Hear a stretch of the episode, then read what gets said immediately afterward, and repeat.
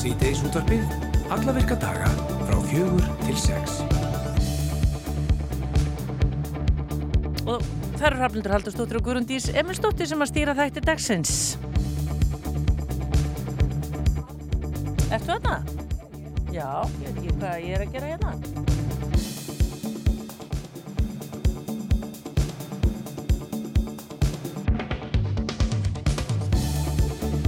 Þetta betra? Já. Það er bara steindauður þessi hljónumi hérna hjá okkur sem að kemur sér einhver, já bara frekar ítla.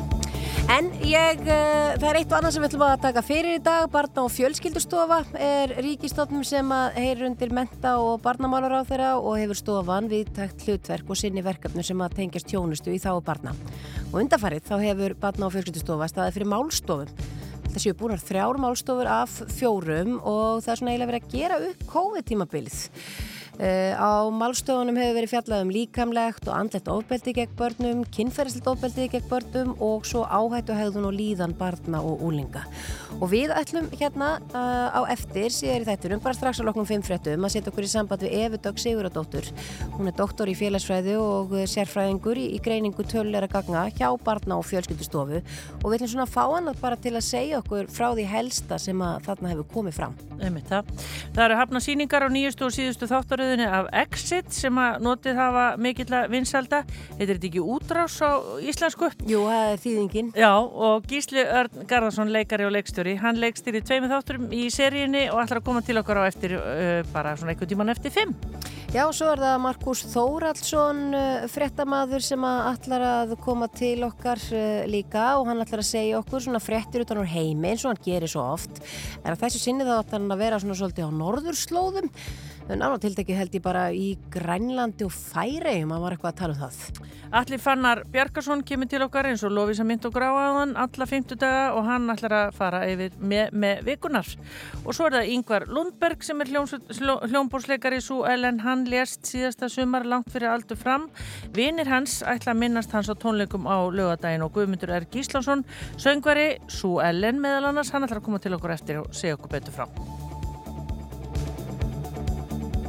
En við byrjum á þessu hérna, við erum komin í samband uh, við uh, Akureyri því að Daniel E. Arnason var að þingmaða vinstri grætna. Hann hefur ákveðið að segja sig úr flokknum eftir að útendingafrömmar Jóns Gunnarssonar dónsmálráþurra var samþygt á alþingi í gær og uh, Daniel, hann er á línni hjá okkur. Kontur sætlu að blessa Daniel? Komið í sælar. Já, þú stættur á Akureyri, já, bara á þessum örlega ríka degi. já, já, þetta eru fallegu akkuriri og hérna, já, örlaður ykkur dagur, þetta er allavega ykkur kaplaskill, við getum orðað þannig. Já, sko, í gerkveldi þá var þetta útildingafrumvarp dónsmára á þeirra samþygt og uh, þú ert varaþingmaður vinstri græna og uh, þú byrtir Já, stóra fæslu á fjersbókarsíðunniðinni í dag. Uh, getur aðeins bara, ég sagt okkur, uh, frá því hvers vegna þú hefur ákveðið að segja þig, uh, já, bara úr vinstri grænum? Já, sko, ég hef verið að vinna með þessari reyfingu núna í spökjan ár og ég hef alltaf, ég hef alltaf verið talsmaður mannréttinda og barist fyrir réttindu minnuluta hópa svo þegar þetta útlendingafröðumvarp kemur, kemur inn og þetta er náttúrulega fymta skipti núna sem við reyna að þrýsta sig gegnum þingið og auðvitað hefur þetta tekið þessum breytingum um, og þá, já, bara, bara á mótið þessu frumvarpi og það er kannski líka vegna þess að þegar ég býð mig fram í prókjöru Vafki í Reykjavík kjörta með Suður þá fæ ég fullt af fólki í, til liðsum mig til þess eh, já, bara ná, ná ágættis kjöru í þessari prókjöru og, og eitt af því málu sem ég setti á ottin var bætt staða uh, hælisleitanda eða þeirra sem leita alþjóðlega vend eins og það kalla um, og svo einhvern veginn þegar þetta útlendingafrumvart kemur og ég sé strax að þetta er ekki til bóta og í rauninni þræst á móti þá, þá er ímislegt þarna sem er bara verið að skerða réttin til þess að við komum hóps þá, já, einhvern veginn bara finnst mér einhvern veginn bara ábyrð smá á því að hafa fengið fólks til liður hreyfinguna uh, á sínu tíma og á sama tíma, þú veist, þetta er mjög dapurlegt og, og, og ég er mjög vonsveikinn, þá er þetta líka ákveðin svona ábyrgast tilfinning hjá mér að, að ég náðu þess ekki gegn, ég barist auðvitað á móti inn á hreyningar, um, varð undir og, og þá bara, já, ég komið á lókun. Já, ég sá, maður er búin að vera að lesa alls konar, eh, hérna, já, fólk er búin að vera að tjásu um þetta mál og þetta frumvarp og hvað, hérna, viltu segja við þá sem að segja að það þarf að koma einhverjum böndum og einhverju skikki á þessi mál? Það eru sumi sem að einhvern veginn skelltu þessu í loftið. Sko, já, málið er að þetta þarf að koma einhverjum bandum reglug, með reglugjörðum og, og lögum um bara nánast all, all mál. En þetta útlendingafurumvarp er ekkit endilega betra heldur en það sem við erum með núna. Heldur það er ímyndslegt sem kemur uh, til vegna bara uh, framkvæmd í rauninni lagana sem þarf að bæta. Og það er ekkit sem þetta frumvarp í rauninni er að fara að bæta. Ég sé það að minnst að kosti ekki. Og fyrir utan það, við þurfum að fara að hugsa um útlendingamálinn frá öll öðrum stað ég meina þegar þessi eh, lög eru samþitt 2016, eða gömlu lögin eru samþitt 2016, þá eru við að tala um að þá er ekki stríði í Evrópu. Þá er ekki bara í rauninni hva, 100 miljónir einstaklinga á verðangi. Fyrir utan það að á Íslandi þá getur við bara erfilega mannað í stöður til að halda þjóðfélaginu gangandi og hvað er alltaf að finna þetta fólk? Þetta er fólk sem vil koma til Ísland þannig að við verðum fókuspunkturinn okkur á útlendingamál þarf að breytast og við þurfum í raunin að fara að kannski að taka umræðanum útlendingamál frá bara þessari no borders umræður hennilega því að svo verið sem að hún sé bara að fara að vera skynnsamlega leiðin í þessu. Mm. Hvað, Daniel, hefur þið fengið einhver viðbröð bara já, frá fóristunni í flokknum?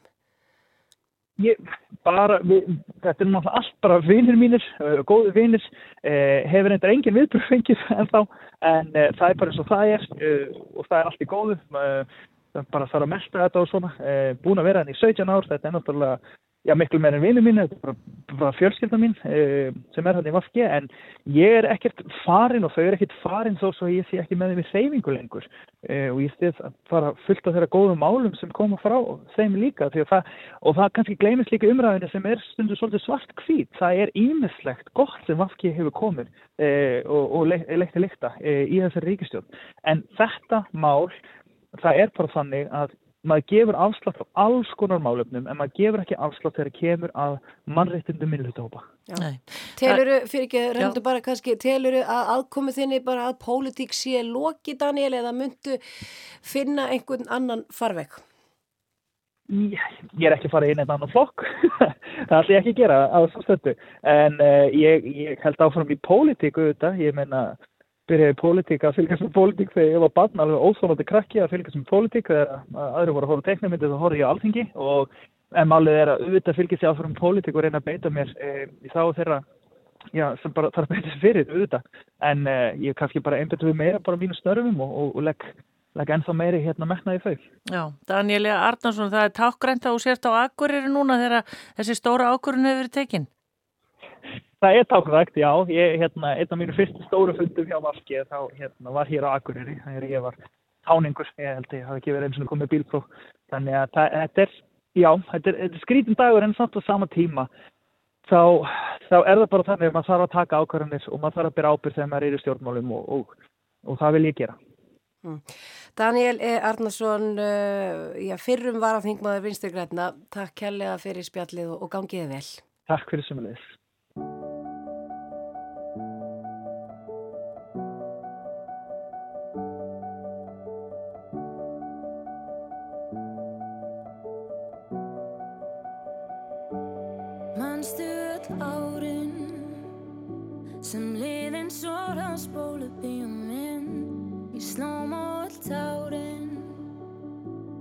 sem söfnuðu skýjum í kotta minn. Ég óska mér að þú sért leiðar en ég og þú munir öll árin sem liðin svora spólu bíum minn. Hvað verður um hjörtin sem brotnuð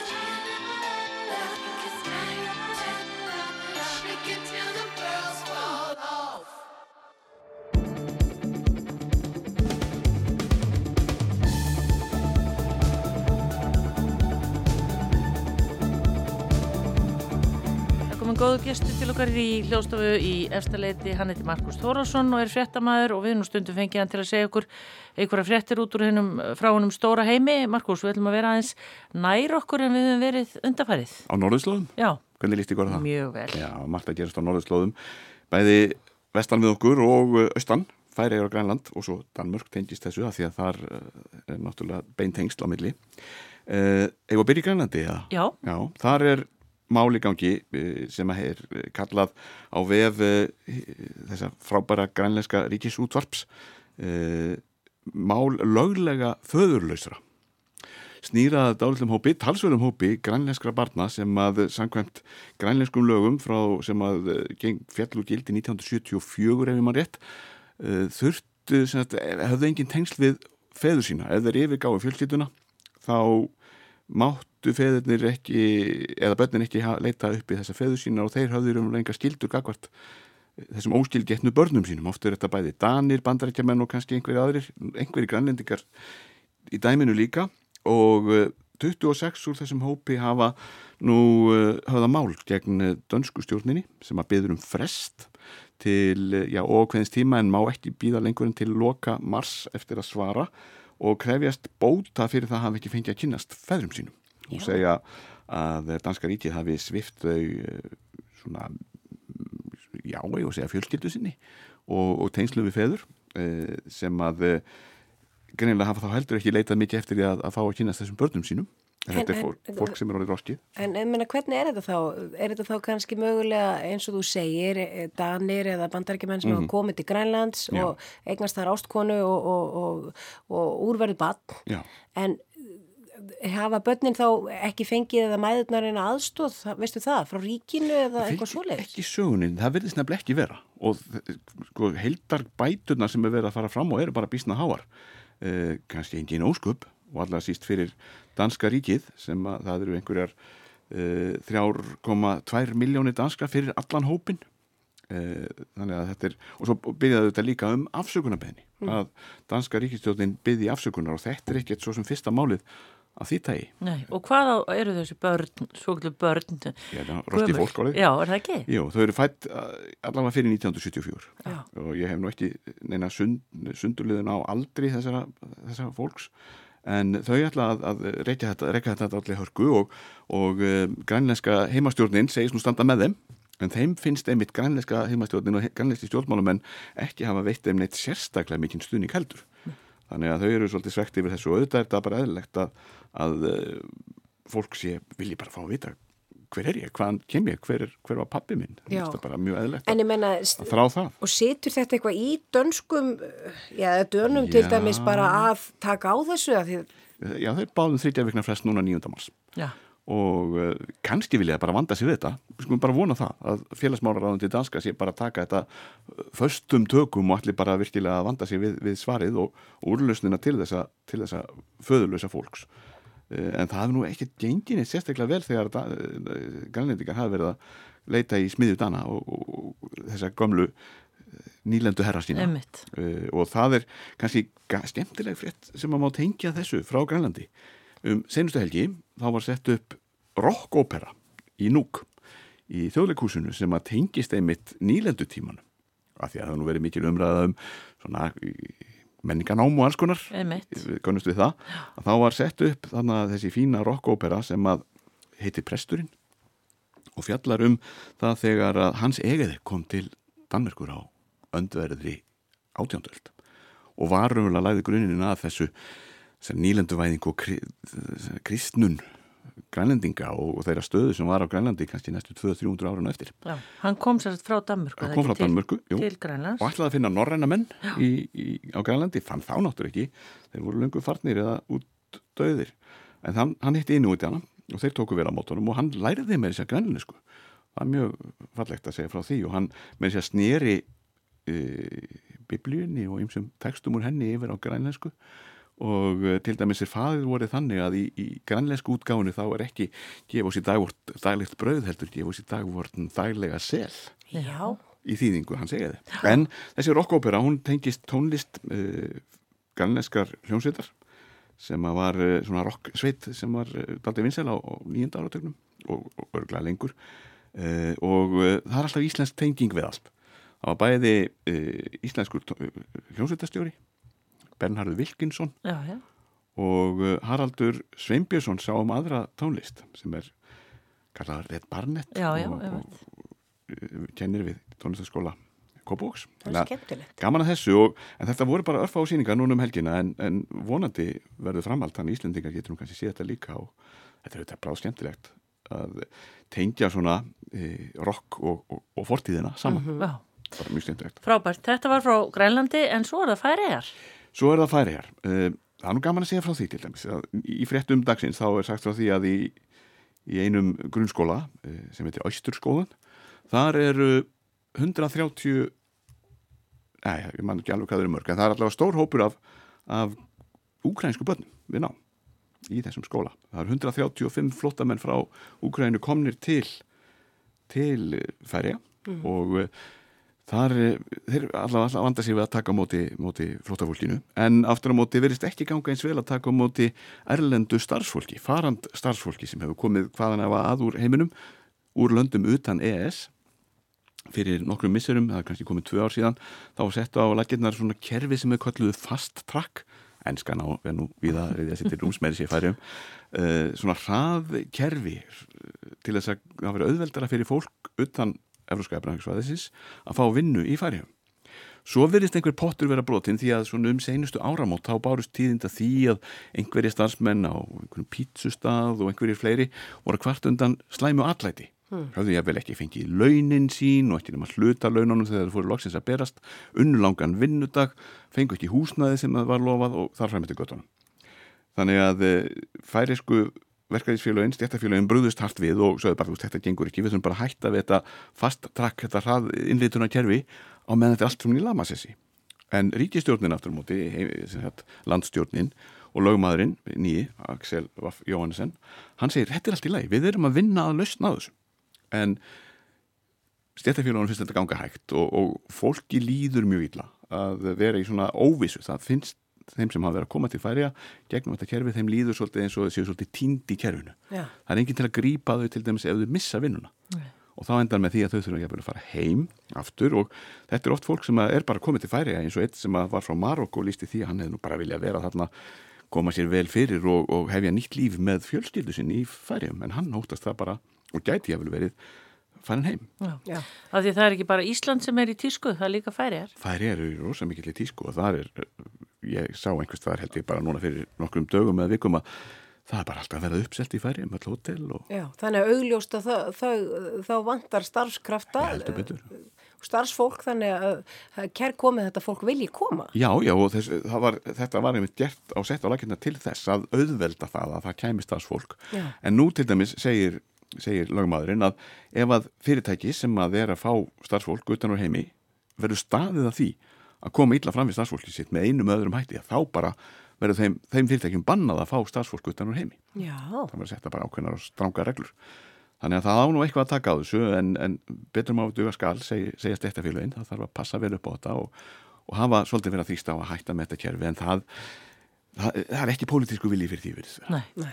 Fylgistu með í sítiðis útvarpinu þá koma fréttir, það verður alltaf bæði þessi mál, við verðum að fylgjast með framvindunni, Já, bæði í Grænlandi og í færiðar. Já, líka bara hressand og gaman að fá fréttir svona, já, frá þessum löndum sem við fáum ekki fréttir frá það er hverjum svo margt að gerast og svo er náttúrulega annað sem er skemmtilegt ef við lítum aðeins til Norges örstutt. Já, Þá hafa samar þar, það þegar við talum um svona frumbyggja heims, heimsins, verið að berjast fyrir því að uh, hafa verið staðið við uh, lofvorð ríkistjórnarinnar og dóm hæstaréttar um það að uh, starfsemi vindmilu garðs verið hætt á samalandi.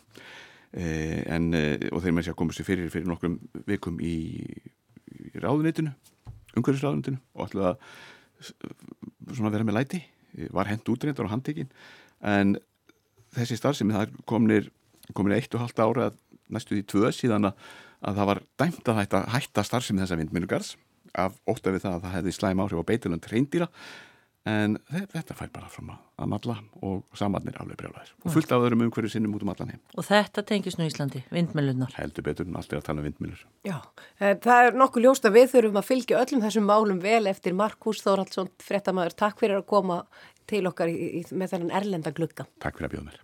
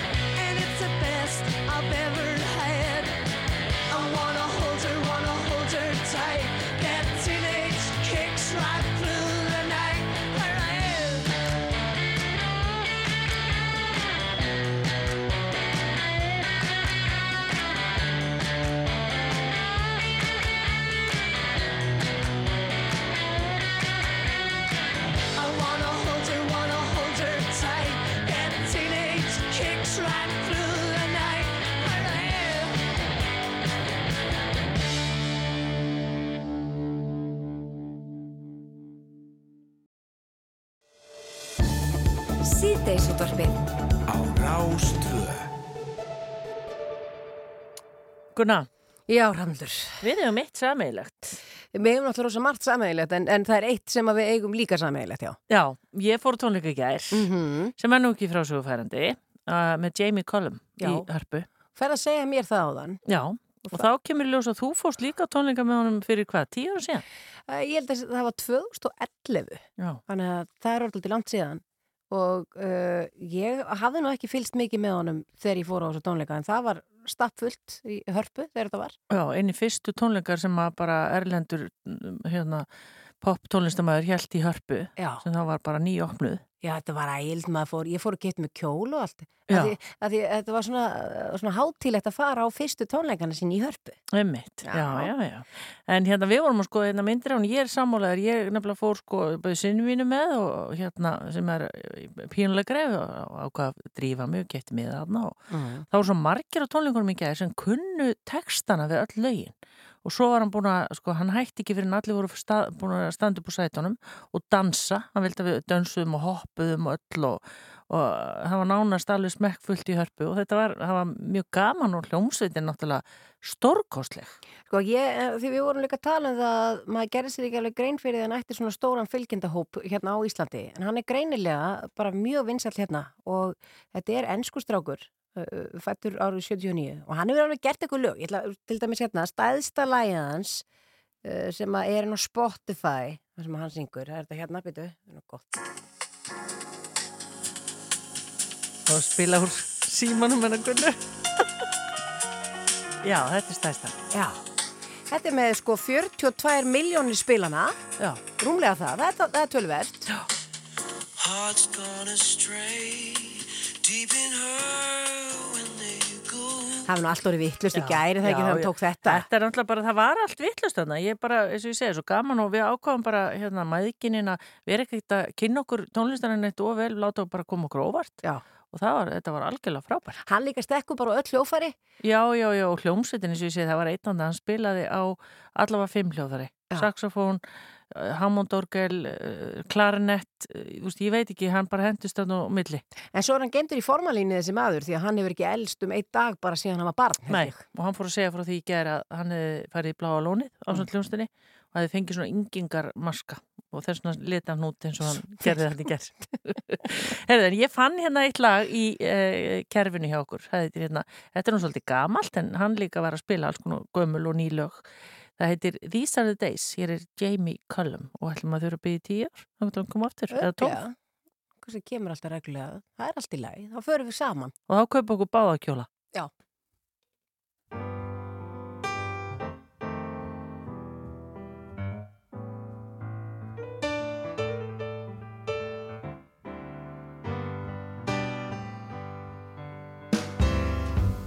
These are the days that I've been missing. Give me the taste, give me the joy of summer wine. These are the days that bring you meaning. I feel the stillness of the sun and I feel fine.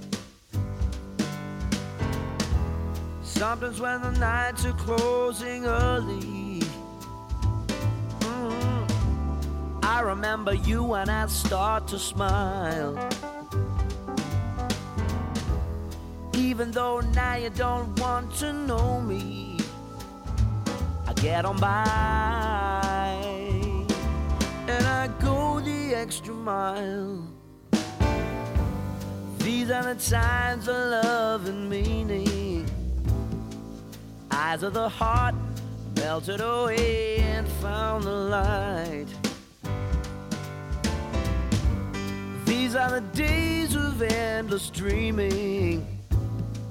Troubles of life are floating away like a bird in flight. These are the days. These are the days. These are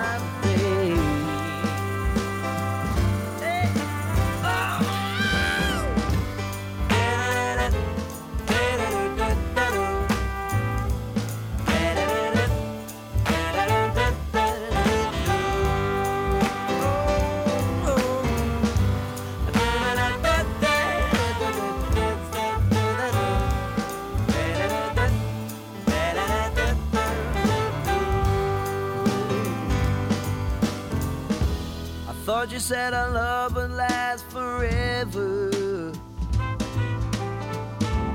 Believing that the tears would end for good. I told you that we'd get through any weather. Maybe that didn't work out, but we did the best we could. These are the days that I've been missing. Give me the taste, give me the joy of summer wine. These are the days that bring new meaning. I feel the stillness of the sun, and I feel fine.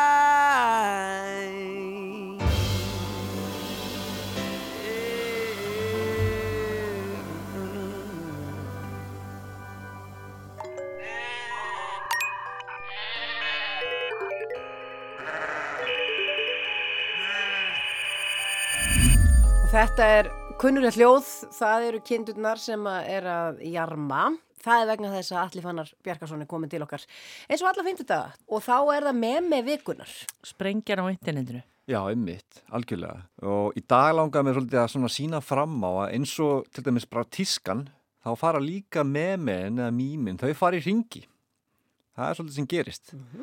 Og sko, ég er ekki með svona, í dag svona eitthvað svona svakalega bombu sem að allir hafa séð, en þetta er einhver síður er memi, það er búið að vera að jarma um þetta. Og við ætlum að fara bara á Óskarsvölunin sem, sem voru sundaginn og þar var auðvitað kynnerinn, Jimmy Kimmel, hann var auðvitað að rifja upp eitt risa atvik á síðustu hátíða, þegar í fyrra þegar Will Smith löðrungaði Chris Rock, þáverandi kynni. Ógleymalegt aðrið. ógleymanlegt, löðrungurinn sem bara smallum allan heim og auðvitað var það risastótt með mig á sínum tíma, voru við byrjuð með hennar lið þá eða? Nei, Nei. því miður ekki. Það hefði verið þá Já. þá hefði ég bara, þá hefði ég gefið sko hlustendum svona þrjú- 360 gráðunar að þeim atbyrði sko Einmitt. en það var ekki og, og, og hann auðvitað að tala um þetta en, há- en nema hvað, hann var svolítið að grínast með þetta og var að segja sko að, að vara þá við sem að þau sem vildu löðrungan að þau eru fyrst að fara í gegnum svona hinn og þessa harðjaksla í kvikmyndum. Og svo fór myndavelum svona á þau. Þannig að hann saði sko, þú veist, ef ég ætla að ná mér þá er þið fyrst að fara framhjá sko Adonis Creed boksaranum í, í, í samnendum myndum sem er leikinn af Michael B. Jordan. Og þá kom myndalega hann og hann er auðvitað grjótarður og svona sko. Svo kom sko, þau voru að fara í gegnum Evelyn Wang sem að var í, í, sigumyndinni Everything Everywhere All At Once grjótörð og hún var hann líka alveg, alveg svakaleg. Og svo hann já, Mandalorian sem er líka grjótarður og samnendmynd og það fór mynd á, á myndalega hann. Og svo endaðan á sem sagt Peter Parker Spiderman sem er leikinn af Andrew Garfield. Og hann er ekkert sérstaklega svona harður sko. Þannig að, að myndalega fór á hann salurinn þagnaði og það var og var svona fagnar úúú, grjótarður, en hann, svo fór á hann og það var svona bara hætti allir að fagna. Og hann leiti myndalega svona ah, það hann gæti ekki tekið neitt og hann ekki þurfa að verja Jimmy Kimmel gangað einhvernum löðrungum sko. Og þessi svipur á honum, þetta er sem, sem gerist alltaf í þessum, memi heimi sko, þegar kindurna byrja að jarma sko, og þá var þessi svipur bara eh, memi um leið. Mm. og, fór, og ferðaðist um sko, bara helstu fréttamila heims, Twitter fór allir að tala um svipin og Andrew Garfield og, og þetta var, var bara, svo fyndu hvernig bara svona eitt svipur og eitt atvik varð bara eina af aðfréttunum frá óskarsfjölunum, auðvitað Sigurvegar og svo svipurinn og Andrew Garfield sem varð memi nema hvað. Þetta er skemmtilegt og hann að og, og, og bara hann er ekki nóg mikið hörkutól pælið því, ekkert vola gaman. En hann er örgulega húma fyrir þessu. Það er ákveðið einelti. já, ok, já, já, einmitt. En hann að, en svo að merkilega er að, að í, á síðustu hátíð sem við tölum rétt á hann að þá varð Andrew Garfield líka svona memi memi, þá var sem sagt eftir löðrungin þegar allir voru að horfa á Óskarsunlin þá var svona myndavelin að fara yfir salin og þá sást þarna það vera, vera kom einhverja svona einhverja ræðu um einhvern, vera svona upphefi einhvern svakalega sko, myndavelin fer yfir salin allir að fylgjast hugfangni með nema Andrew Garfield sem var að hangi símanum og var svona eins og maður er, þið viti hvernig maður er þegar maður er svona gleymi sér í símanum þá situr maður með síman svona hálfpartið millin, eiginlega bara nánast í klófinu og, og höfuðu svona sígur niður, þannig að maður er algjörlega á grúfu einhvern veginn. Já. og hann var þannig á, á Óskarsvönunum og, og hann hefur sko og það var, það var eins og þetta, það var bara þetta skot varð með mig á sínum tíma og ferðaðist um, allir bara hverju var hann að senda? Hverju var hann að senda, hverju gæti einhver að fylgjast með hérna? Að vera Já, hvað var svona mikilvægt? Þetta var nánast eitthvað eins og var að vera að telja upp sko, það sem að fjallu frá á árunni þetta var eitthvað þannig mó- moment og hann var í símanum. Já. en hann hefur sem sagt í viðtali eftir þetta hann hafi verið að senda öllum vinur sínum sem voru að senda honum, "Herru, hvernig er stemmingin í salnu eftir hann að löðrung og, þá var hann að senda honum hvernig, hvernig stemmingi væri í salnum og þá vorum við einmitt komin aftur að löðrunginum. Þannig að nú vorum við komin svona með með ring Já. Hvernig svona með með, þetta er svona með með hagkerfið Já. með með ringrásin Já, þetta er vel útpælt hjá þeirra. þetta, er, þetta er, Þetta er vel gert. en hann hlýtur að vera daldið hugsi í dag að, hérna, þetta- að lenda svona tvisar í þessu. Já, hann er svona búin að svolítið stela senunni tvær hátir röð Þetta Haldi, vakti- haldi hann mæti á þriðju? Já, það er góð spurning að hvar, hvað gerir hann næst og nú byrjum við bótt að fylgjast með því og ég fór að skoða þetta og það voru svona margir á Twitter að byrta bæði bara vá, ég trú ekki að Andrew Garfield að stóli senu tvisari röð Já. Bara í símanum og svo hitt þannig að mögulega sko ef hann vill vekja miklu aðdekla sólun sér þá gera hann eitthvað fárlega fyndið næst þannig að við verðum að fylgjast með því ég verð að mæta hérna eftir ár bara hvað gerði Andrew Garfield á, á, á Óskarnum sko. Ég man ekki hvernig hann lítur út. Vá, hvað ég ætla að googla hann þegar þú ert farin inn Já. En, en ég velti fyrir mér allir, ég horfði ekki á alla, ég horfði á samantektina Já, sem einmitt. var á stötu og mjög gaman að horfa hana því að ég náði náttúrulega ekki að vaka. Nei, Man vakir ekki svona lengi. nei, nei En uh, var mikið fjallað um laurungi líka núna? Þannig er einhvern veginn Will Smith bara búin að eiga þessar tvær hátíðir? Já, soldið, svo þetta var alltaf eitt grínið Já. svo var annað grín sem að Kimmelin kom með, Jimmy Kimmel kom með og var sko að þarna að vara bara þau við sko að, að, að bara þið sem ætlið að vera eitthvað löðrunga fólk hérna Já.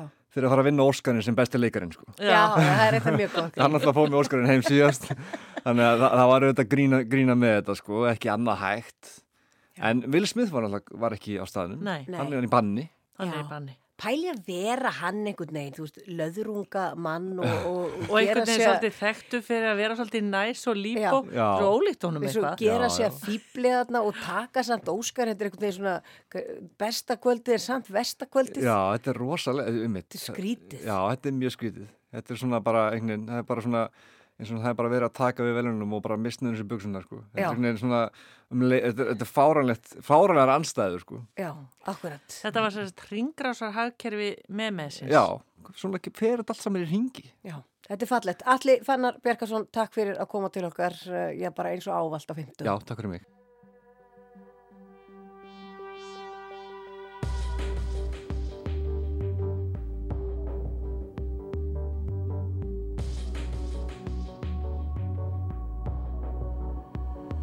I didn't hear you leave. I wonder how am I still here? And I don't wanna move a thing. It might change my memory.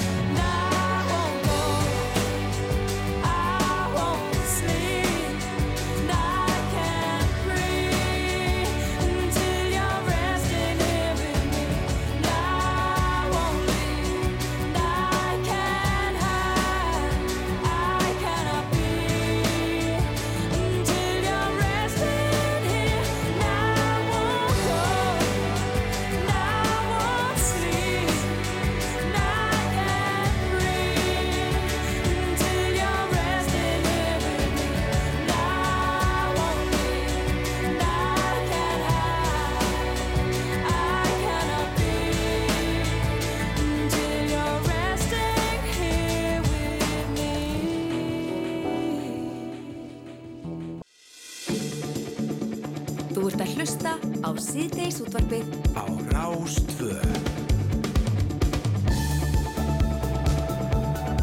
Og áframhöldu við í síteis útarpinu Barna og fjölskyldustofa er ríkistofnun sem að heyrir undir menta og barnamálar á þeirra og hefur stofan við ítallutverk og sinni verkefnum eh, sem að eh, tengist tjónustu í þá og barna.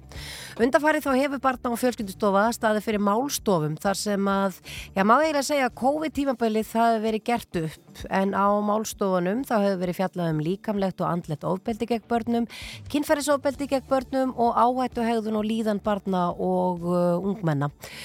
Og við erum komin í samband við hana Efu Dögg Siguradóttur, doktor í félagsfræði og sérfræðing í greiningu tölfræðilega gagna hjá barna og fjölskyldustofu og ætlum að fá hana svona til þess að segja okkur frá því helsta sem að þarna hefur komið fram. Kondur sæl og blessuð Eva. Já, sæl. Takk fyrir að vera á línni hjá okkur. Já, takk. Takk fyrir að bjóða mér. Uh, já, við uh, erum svona forvitnar að, uh, vita svona kannski það helsta sem að hefur komið fram á, á þessum málstofum undarfærið. Já, ég held að hérna, áður en kannski við förum í það, þá er ágætt kannski svona svolítið á byrjunni og, og hérna af hverju við fórum að stað með þessar málstofur og hérna sem sagt batna og fjölskyldustofa safna gögnum frá öllum batnaðanda nefndum eða batnaðanda þjónustum eins og það kallaði í dag eh, á landinu við fáum upplýsingar um fjölda tilkynninga og eðli tilkynninga eh, sem við svo greinum og strax í upphafi eh, faraldusins eða COVID-19 faraldusins og þá fórum við að taka eftir breytingum á tilkynningum til nefnda og, og hérna, tilkynningu var almennt að fjölga.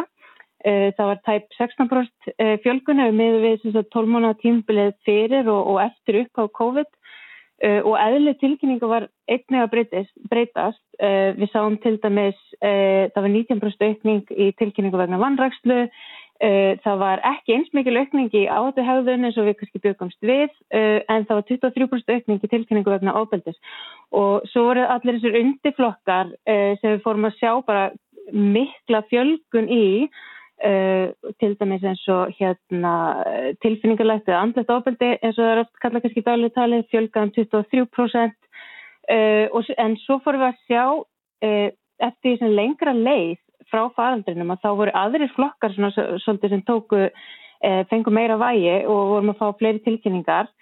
Þannig að við svona svolítið stóðum upp með þetta bara hvað er að gera við þessar upplýsingar? Og e, það, við meðum ekki bara að vera að sapna upplýsingum og, og stinga þeim svo ofan í skuffu og við verðum að reyna að draga einhvern lærdóm af faraldrinum. Mm. þannig að við sendum beðni á ímsa stopnarnir og samtök og spurðum þau bara hvað sáu þið í COVID og hvað sáu þið ekki í COVID sem þið kannski búist við og, og svona hvað, hvað getur við lært af þessum uh, tíma?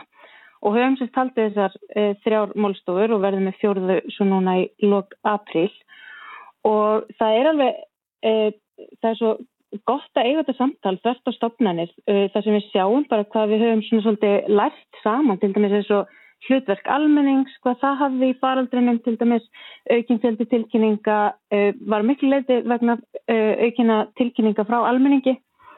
Uh, við sáum þetta sama hvenna hvað við sáum þetta sama auki hlutverk almennings þar sem að þeim barst til dæmis auki fjárframlög frá almenningi og hérna og svo líka bara þetta gríðarlega álag á fjölskyldur og hvaða var í rauninni óraunhæft í COVID-faraldrinum og hérna, já. Já, ég veldi fyrir mér eins og þess að þú talar um fjöld, fjölgun á tilkynningum vegna vannrækslu.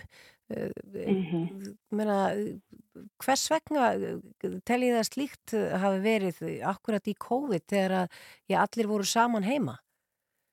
Já, þetta er mjög góð spurningu. Sko, við sáum þetta, við höfum séð þetta áður og þetta barst, gerðist líka þarna rétt á eftir hrun að þá fjölgaði tilkynningu mjög og sérstaklega vegna vannrækslu og þetta er kannski svolítið svona það sem að verði til umfjöldina núna á fjóruð og síðustu málstofinni þar sem við ætlum að velta þessu upp en við erum svo sem kannski ekki alveg þeirri stöð að geta sagt um uh, hvaða er en það sem við vitum er að það var mikil umræða í samfélaginu og fólk var kannski bara meira vakandi fyrir uh, börnunum í sínu nærumkverfi og, hérna, og var að tilkynna uh, meira Við vorum bara að sjá miklu fleiri tilkynningar og miklu fleiri tilkynningar vegna fleiri batna. Það var ekki, það vor, var ekki fjölgunum var ekki að því að það voru berast svo marga tilkynningar vegna söm batna. Það voru berast fleiri tilkynningar vegna fleiri batna líka. Já, en hvað er sko að þú talar sjálf um að þetta, það sé náttúrulega ekki gott að sapna saman gögnum og setja þessu brún í skuffu, en hvað nú? Mm -hmm. Nú er þið með þessar, hérna, þessi gögn og þeir eru búin að ræða ykkur í gegnum þetta. Uh, er þetta að hjálpa öllum þessum börnum og öllum þessum fjölskyldum? E, já, þetta er sko, þetta viljum við þá, viljum við búa í, í heimi þar sem að, hérna, þar sem að öll börn búa við kjör aðstæður. Um, þar sem að við höfum kannski þurft að fara svolítið í svona, við fórum sjálfis svolítið nafla skoðun kannski við þessa vinnu og, og sáum að það var heilmart sem að kannski vantaði okkar uh, skráningu og, og svona ímislegt sem við sáum bara við áttum ekki upplýsingar um til dæmis uh, að þá svona á þessum tíma þar sem að lífið færiðist að miklu leiti yfir á neti þá þá jógst umræðan mjög mikið um stafrænt kynferðsóbildi og við bara allt henni stóðum fram fyrir því að við áttum engar upplýsingar um stafrænt kynferðsóbildi þessar tilkynningar voru jáfnvel að berast en, en þetta var ekki sérstaklega skráð og þannig við hófum þessa skráningu núna í byrjun ást 2022 og vitum það til dæmis núna að 9% tilkynningar sem eru að berast vegna kynfyrirsópildis eru vegna stafræns kynfyrirsópildis og það er nú kannski það sem er, svona, er e, mikilvægast að fyrsta skrefið. Við þurfum að vita hvað áður en við þurfum að, að hérna ætla svo að bregðast við. Hmm. Eva, er eitthvað sérstaklega bara svona sem, eða eitthvað sem kom þér sérstaklega á óvart þegar þú varst að greina öll þessi gögn? Um, já, það er ímislegt sem að hefur kannski svolítið staðið upp úr og það er, og það stendur svona kannski, er svolítið ofalega í huga uh, áhættuhöfðin og, og líðan batna úlinga sem var síðasta málstofa hjá okkur. Og, uh, og það sem hefur kannski komið helst og óvart er að, að núna fyrst, 2-3 árum eftir upp á COVID og þá erum við að sjá mjög mikla fjölgun sem sagt í tilkynningu vegna áhættuhöfðinar batna og, hérna, og það er svo, er svo mikilvægt að við sagt, horfum á þennan hópa því að þetta eru börn sem að gengur í gegnum e, mikla breytingar og, og gengur í gegnum það að vera kannski lokuð inni, hitta sjaldan eða ekki vinni, fókistundur tómstundur og, og hérna, félagstörf. Og þetta er alltaf gert þegar mótunar árum þegar þau eru svona að máta sig sem sjálfstæðar einstaklingar e, og við vitum bara ekki hver áhrifin eru á þessu ungmenn okkar en hérna við sáum fyrst enga sérstaklega fjölgun í þessum málaflokki. Eh, fjölgaði fyrst um 3% svo 0,9% og það er miklu minnahaldur við höfum búist við.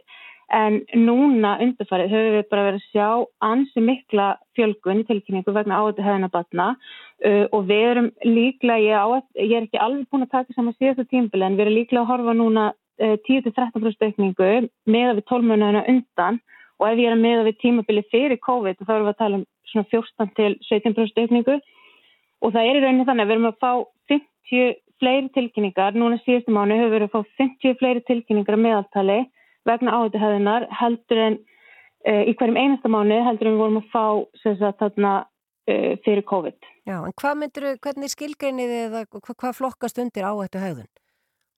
Það eru ymsur undirflokkar, það getur til dæmis verið e, tilkynninga vegna neyslu. Þeim hefur enda farið fækandi eftir upp á COVID en ég setja svona fram með fyrirvara því að 2019 var svolítið óvönulegt ár. Um, Þannig stendur helst upp úr flokkurinn e, það sem beitir ofbeldi e, en tilkynningar hafa sérst auki stöðugt frá upphafi COVID. E, fyrst eftir upp á COVID þá fjölgaðum um tæp 11% og svo fjölgaðum aftur um 14% á næsta 12 mánu tímbula eftir. Og núna er staðan bara þannig að þetta 10 mánu tímabil sem ég er með í hendunum frá mars 2022 eh, til lok árs 2022 að það hafa bara borist í jafnmarkar eh, eða fleiri tilkynningar heldur en á þessum 12 mánu tímabilum og undan.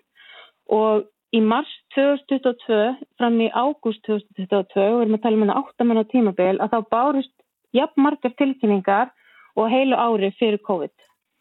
Já.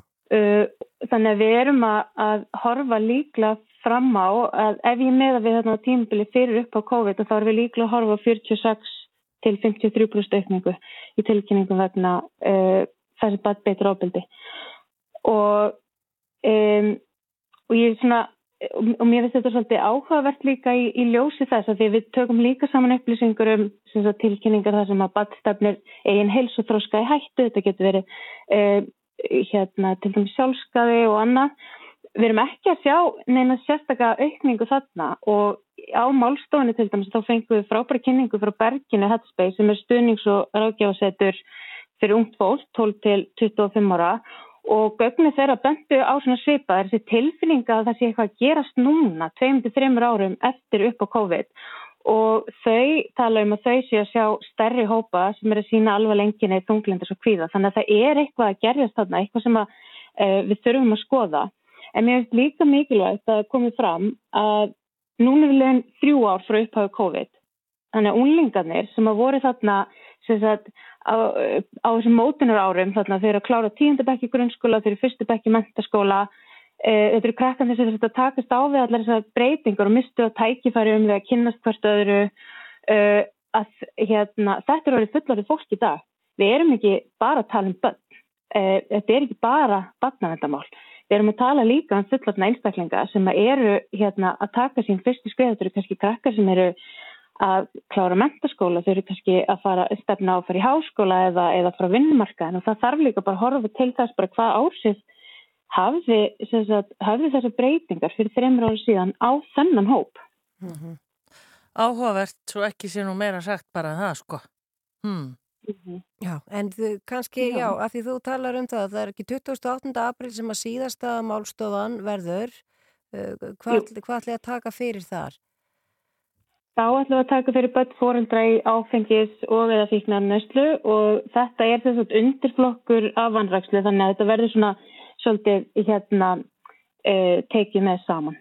Já, er einhvers staðar þetta nálgast þessi gögn eða þessar upplýsingar eða er þetta bara fyrir ykkur og þá vantarlega uh, aðrar stopnarnir sem að geta unnið úr þessu til þess að já, takast á við þennan vanda sem að hefur augljóslega skapast í COVID? Það er sko heldur betur hægt að hérna, nálgast þetta. Við erum sem sagt Eh, eitt að megi markmiðanum okkar var að gera þetta aðgengilegt og þetta er sem sagt, við erum með málstofunar í það sem fólk getur komið í eigin personu til okkar í Borgatún í Reykjavík og það er náttúrulega ekki allir sem að geta það. Eh, við erum líka í streymi og við tökum þetta upp þannig að það er hægt að, það geta allir horst, þetta er frýtt fyrir alla, geta allir tekið þátt. Eh, við erum með sagt, hlekk á YouTube rásin okkar, uh, hérna upptökurnar inn á Facebook síðan okkar, batna á fjölskyldustofa. Uh, það er líka aðgengilegt inn á heimasíðinni og svo er bara allir velkomnis að, hérna, að koma og fylgjast með í eigin personi ef það er viljið til þess. Já, en má kannski bara rétt í lókin ef að segja þó að kannski þá að það sem að hefur komið gott út úr þessu öllu saman er þá kannski það að það er náttúrulega ekki gott þegar eru margar tilkynningar en þó að fólk er greinlega fylgjast með börnum og, og, og með augun opin og er þá óhrættara kannski við að tilkynna ef það sér eitthvað óæðilegt. Algjörlega og ég held bara að þessi aukna umræða um tilkynningaskilduna, það er tilkynningaskilda, hún kvílur okkur öllum eh, og ég held bara öll umræða sé, að, sé af hennu góða. Já. Eva Dögg Siguradóttir, doktor í félagsfræði og sérfræðingur í greiningu tölulegra gagna hjá Barna og fjölskyldustofu. Takk fyrir eh, að eh, já, bara veit okkur þessar upplýsingar og gangi ykkur vel. Já, takk hjá það fyrir. Allt það helsta. Sýtiðsútvarpið frá fjögur til sex á Rástvö.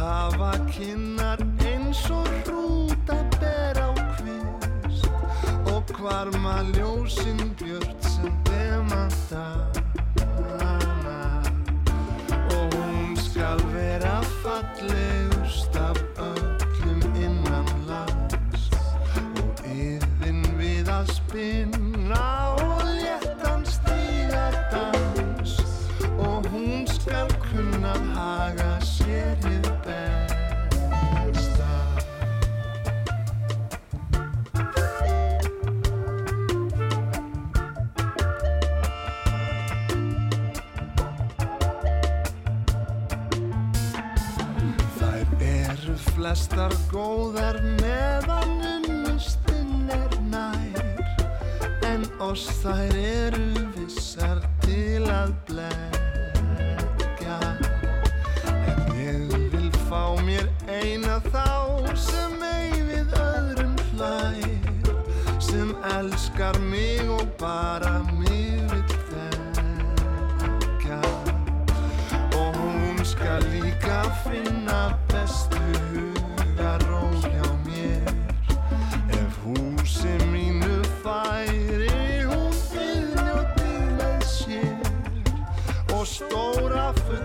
kistu bestu klæða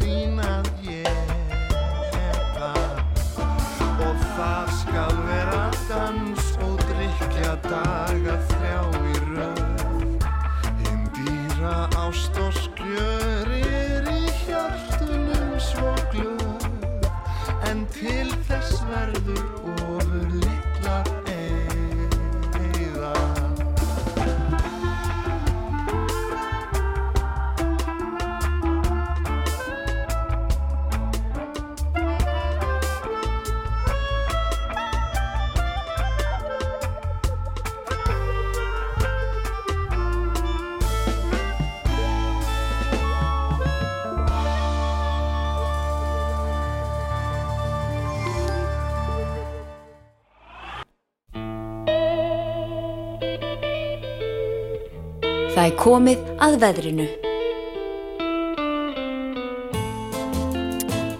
Góða Gunna Dís, viltu segja okkur að sé fyrir að lína? Nei, ég get nú ekki sagt það. Reyndar sé ég að bara klukkan 6 hér á höfuborgarsöðinu er bara einstegs frost. Það finnst mér nú bara lítið. Maður fer út á bollum. Maður hlæn nú bara því. Ég reyndar, þegar ég fer hérna á föstudaginn, þá eru rauða tölur í kortunum. Mm Ha, Rafnildur. Það er alltaf Það gerast. er alltaf gerast. Ég ætla aðeins að taka þetta. Það er norðlega á 3-13, kvassast austast og stöku jél austalands og fer að snjóa, það er eftir minnati en annars er bara bjartviðri. Austlega á 3-8 á morgun en 8-13 siðist, skýjaða mest og dáli til jél en fer að snjóa suðvestan til annar kvöld. Akkurat, það fer að snjóa, Afi. Það er bara það sem er að fara að gerast Þú ert hér. að segja rauða tölur og svo fyrir að snjóa. Já, en það er að því ég sé rauðar tölur hérna allavega á kirkjubæðaklaustur á morgun, en býtu, býtu, býtu. Eh, Frost verður 1-13 stig og kaldast í innsveitum norð-austalands en sumstaðar frostlaust síðst. Ha.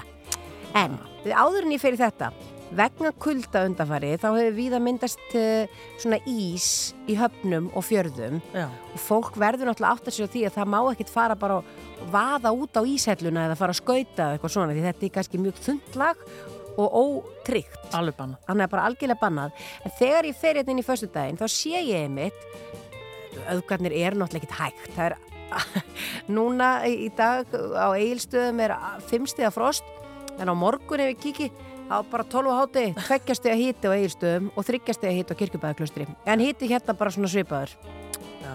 já, já, Var ekki einhvers sem sagði að veðri á Íslandi?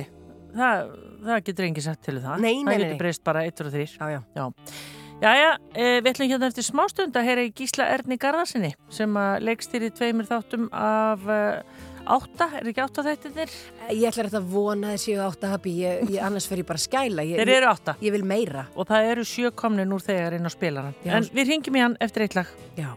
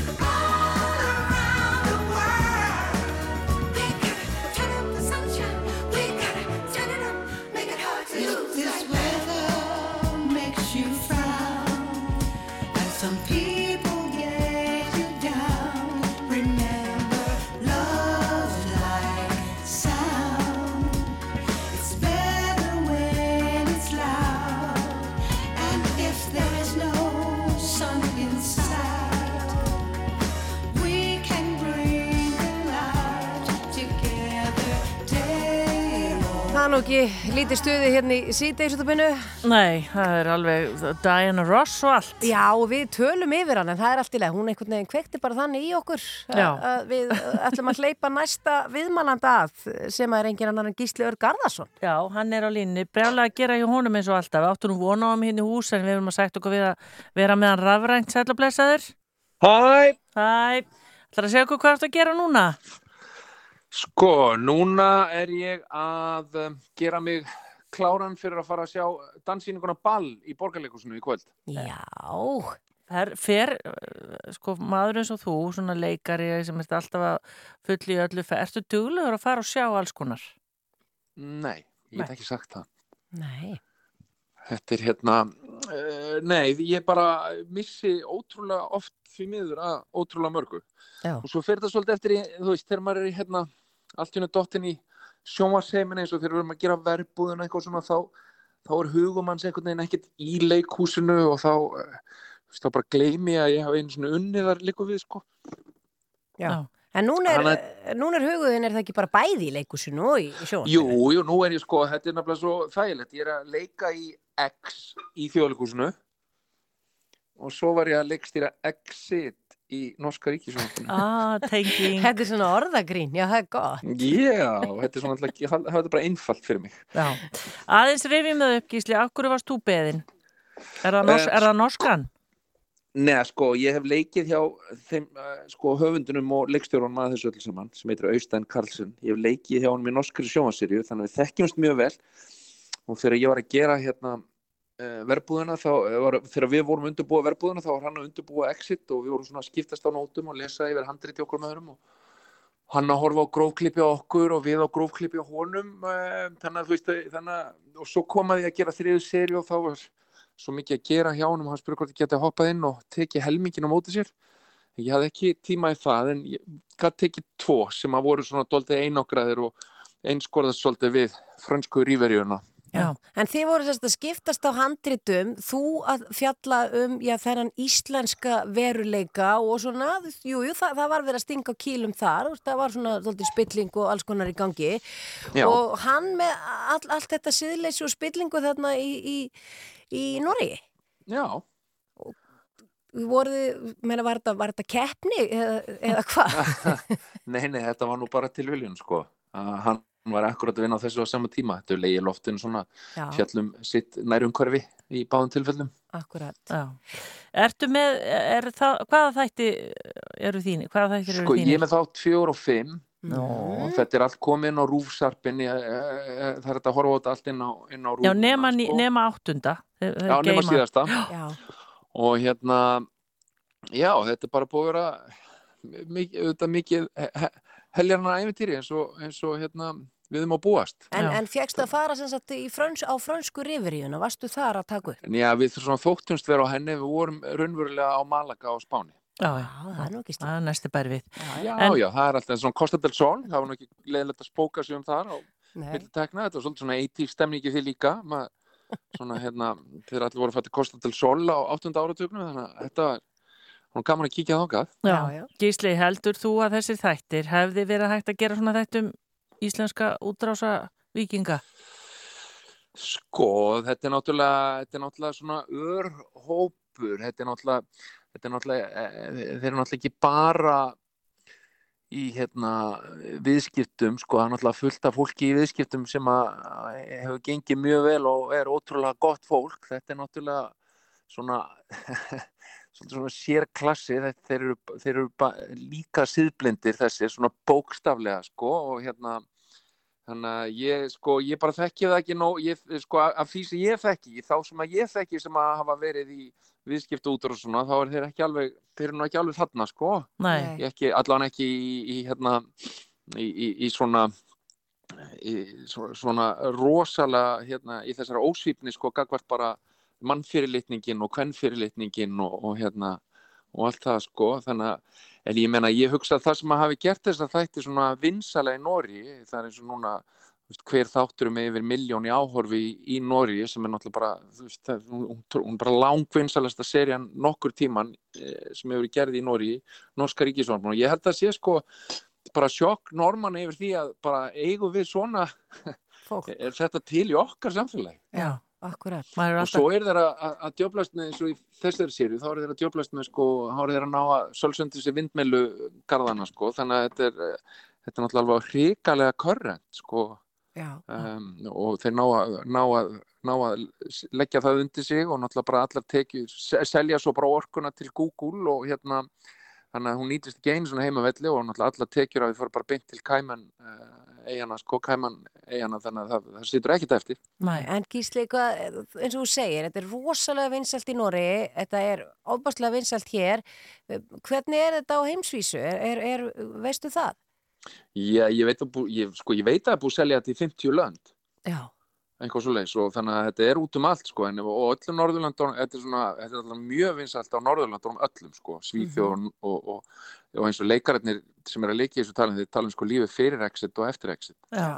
Og er þetta ekki hellist tækifæri fyrir þig þá líka? Þetta er þú náttúrulega risa stór en, en ég meina, en núna geta skreittið með þessum fjöðrum að segja að ég leikstir og sko, það er, náttúrulega svo, ég býn nú við svo, hérna, góðan kost, hérna, að fá svolítið svona, þú veist, eins og þegar ég gerir verbúðina, það og leiki X hérna í þjóðlugsunum, þetta er bara það skemmtilegast sem ég gerir, hitt var, þú veist, ég er ekki, ég er ekki svona í, í, á, á, á einhverju framabraut að, að vera, sko, uh, leikstjór út í heimi sem að teka mér að taka einhverja þætti í serjum sem er búið að búa til, þetta var meira svona, þú veist, það er gott, gott að prófa þetta og ég finna gaman að vinna með Austein sem að er, er, er, er hérna góðu vinnu minn og allt það sko en ég myndi ekki, ég myndi ekki gera þetta æfistarfi mín að, að, að vera í þessum gýr, ég er náttúrulega búin að fara mjög mikið út og leikstýra í leikhúsi og ég er svona alveg, alveg sattur af fyrir lífsreynslu sko. Já, en þeir eru geggjaðir allir þessi leikara sem eru þetta. Er þetta ekki bara svona, hvað ég segja, rjómin af, af norsku leikarastjéttinni eða hvað? Jú, þeir eru náttúrulega leikara og svo er náttúrulega búið að skrifa óbúslega góðan text onni þá og búa til ofsalega sko skýra karaktera fyrir þá til þess að leika og þá einhvern veginn áður að blómstra í því þetta, þetta þannig ofta alltaf hanga saman. En þeir eru þeir eru, jú, jú, ég menna þeir eru allir frábæri og náttúrulega og þetta er ekkert smá rullur sem þeir eru að sko keira þarna í gegn og ég menna textin sem þeir fara þetta eru marga blaðsjöður oft í einni tökku til dæmis sem að hérna svo, þeir, þeir, þeim líkur svo mikið á hjarta í, í þeir eru að fá góðar hugmyndir hvernig geta sko hvernig hérna, hérna hvernig geta uh, svindlað á, á, á einhverju og, og grætt mikið af peningum þá, þá fá þeim já, einmitt. og það er ofsalega vel skrifað og ofsalega vel gert hjá höfundinum sko. Fjóruði þátt, þess að það eru eru sjö þætti komnir á spilan en þeir sem vilja horfa til línulegri dagskrá að, að þá hérna er þáttur tvö í kvöld á rúf. Já. Já, þetta er þannig, já. já. Sumir veru þar, vilja bara hafa þetta Já, þannig. já, já, já, Já, bara já. hafa einhvað á hverjum 50 degi Já, næstu, við 8 erum bara 50 spenntir og poppa og svona. Já, en annars já. geta hinnir háma þetta í sig. Gísli Örd, við hlökkum til þess að kíkja og þátt fjögur og fimm og þetta hérna líka. Bara takk fyrir að vera á línni Ég segi okkur. bara njótið þið vel. Takk fyrir Gísli. Góða skemmtun í Ok. leikúsinu eða danssýningunni. Bless, bless. Takk, takk. Bye.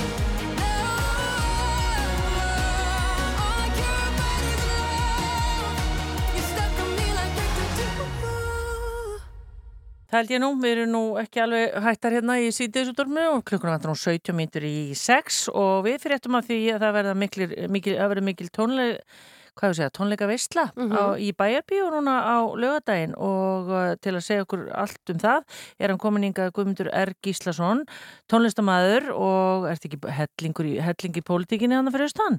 Nei, ég er endar, endar alveg hættur í henni. alveg hættur í Alveg pólitík? hættur í pólitíkinni. Já, en hver, hvert er aðastarfið í dag? Ég er framkvæmdastöru Sún sem er samanfélag útgerramanna hann er Já, stað. já, það er nú svolítið pólitík í því. Já, það er alltaf eitthvað smá pólitík í því. Er ekki pólitík í öllu?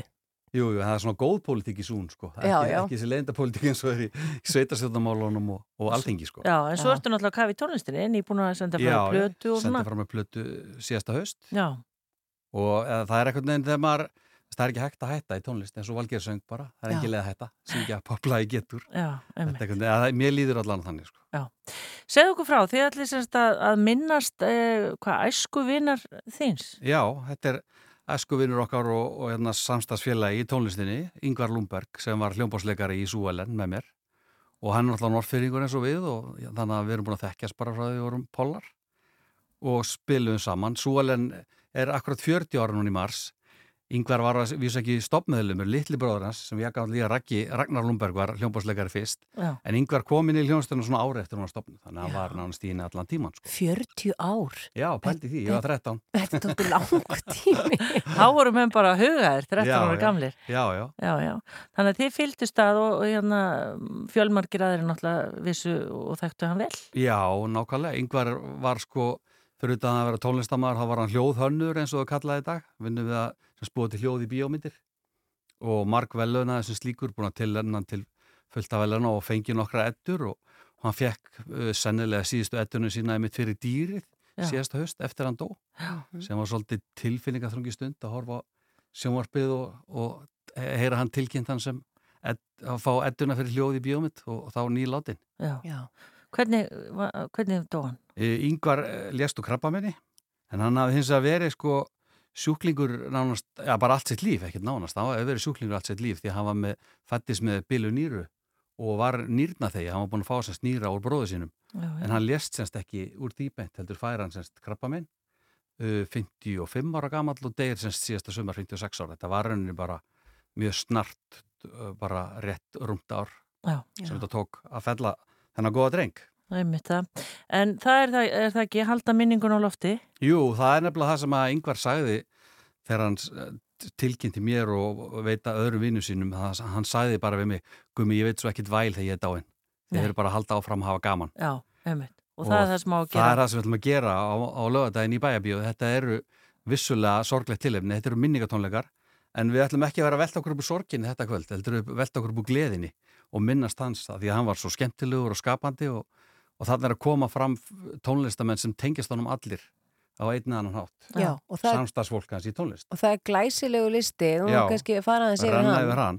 Ef ég renni bara yfir hann og ég byrja ég raði upp sko styrsta hljónstanarni fyrst og lengsta síðast. Já, Þessi það er, er skynsam. Já, það er sem 7 fyrst Mhm. og hún vann með honum í bíóhlöði uh, Ragnar Kjartansdóttir. Já. og svo er það Súalen, æsku hljómsveitina Singvas svo er það Dúkulísnar frá Ægistöðum og þær eru vinkonur okkur hafa fylst, fyllt, við höfum fylst að Súalen og Dúkulísnar og fyrirlegt að stundum við hljómsdánum við ruggla saman því það er náttúrulega sungum Pamela í Dallas og Einmitt. við erum Súalen Já. og svo ætla ég að vera með smá sóló líka og svo verður Jón Ólásson sóló Mhm. og þeir eru náttúrulega kollegar sko, hljómbásleikari og hljóðmenn Einmitt. þekktist líka, góði vinnir og svo er það hljómsveit sem heitir Kvöldverður á Nesi og það er sko gömul supergrúpa frá Norferi sem stofnum 1979 Já, skemmtilegt. og það eru sko langskóla gegnir tónlistamenn í henni. Einn og symfóníin og tónlistakennarar og svo er Jóhann Geir, trommar í Súalin, hann er líka í þessu bandi, hann er ekki langskóla gengin tónlistamæður en engu síður frábær tónlistamæður eins og þeir. Já. og svo er það rúsinan í pilsendunum, það eru langisili og skugganir Já, hvernig tengjast þeir? Herðu sko, Jón Skuggi, sem að hljónstinni er nú kent við, hann er frá Skuggahlíð í Norferi, það er sem spóndabær í Norferarsveit. Ah. Þannig að hann er Norferingur, Jón Skuggi. Sveitungi. Sveitungi okkar og hann var í hljómsveit með Yngvari, semst áður en að Yngvar kom í Súalen og svo hljómsveit hétt Samkor Lörglufélagsins. SKLF, það var Þetta pöngljómsveit. er mjög fram að Söngvar í þeirri hljómsveit var Tryggvi Þór Herbertsson sem að var síðar þekktur sem bankastjóri og efnahagsrákjafi Já, ríkistjórnarinnar. alveg Það var rétt. merkileg hljómsveit. Og núna er vindmjölunum og hvað Já, við nú er hann í vindmilunum, Já, ég veit já. ekki hvað tryggver, Já, já. já, hann er þar allan, Já. ég vona hann bara mæta tónleikana. Já. það er vonandi, en allavega, sko, haldið að muni allt trillast þegar langið sér og skuggarnir taka ok? Það Ég vissum að það standa allir upp og, og, og tjúta með í bæja bíói, sko. Já, en, en hérna,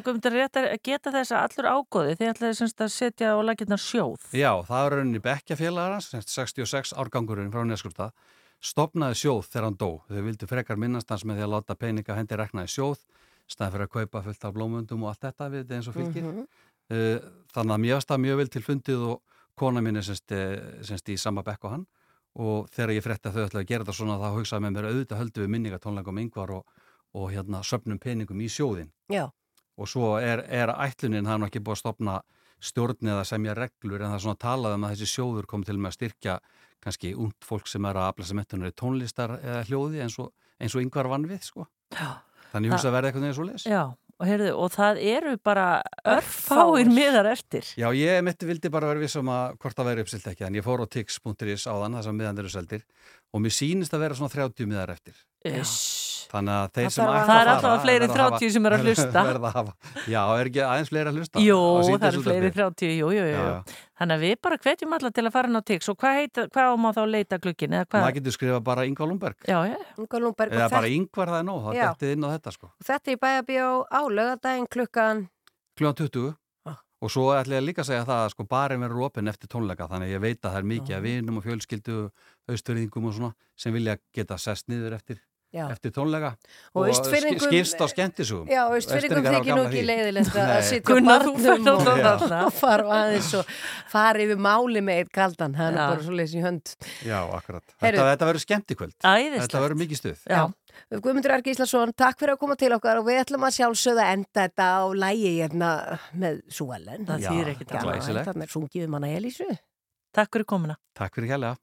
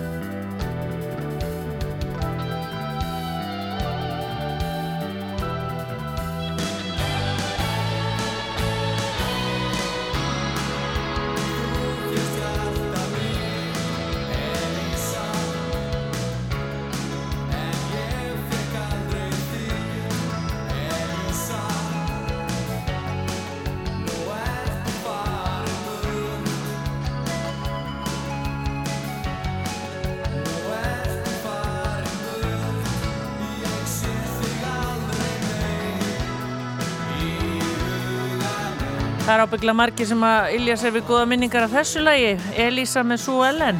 Þetta er rétt ímyndaði það. Ég er nú bara vissum að af fólki hérna úti sem byrjaði saman.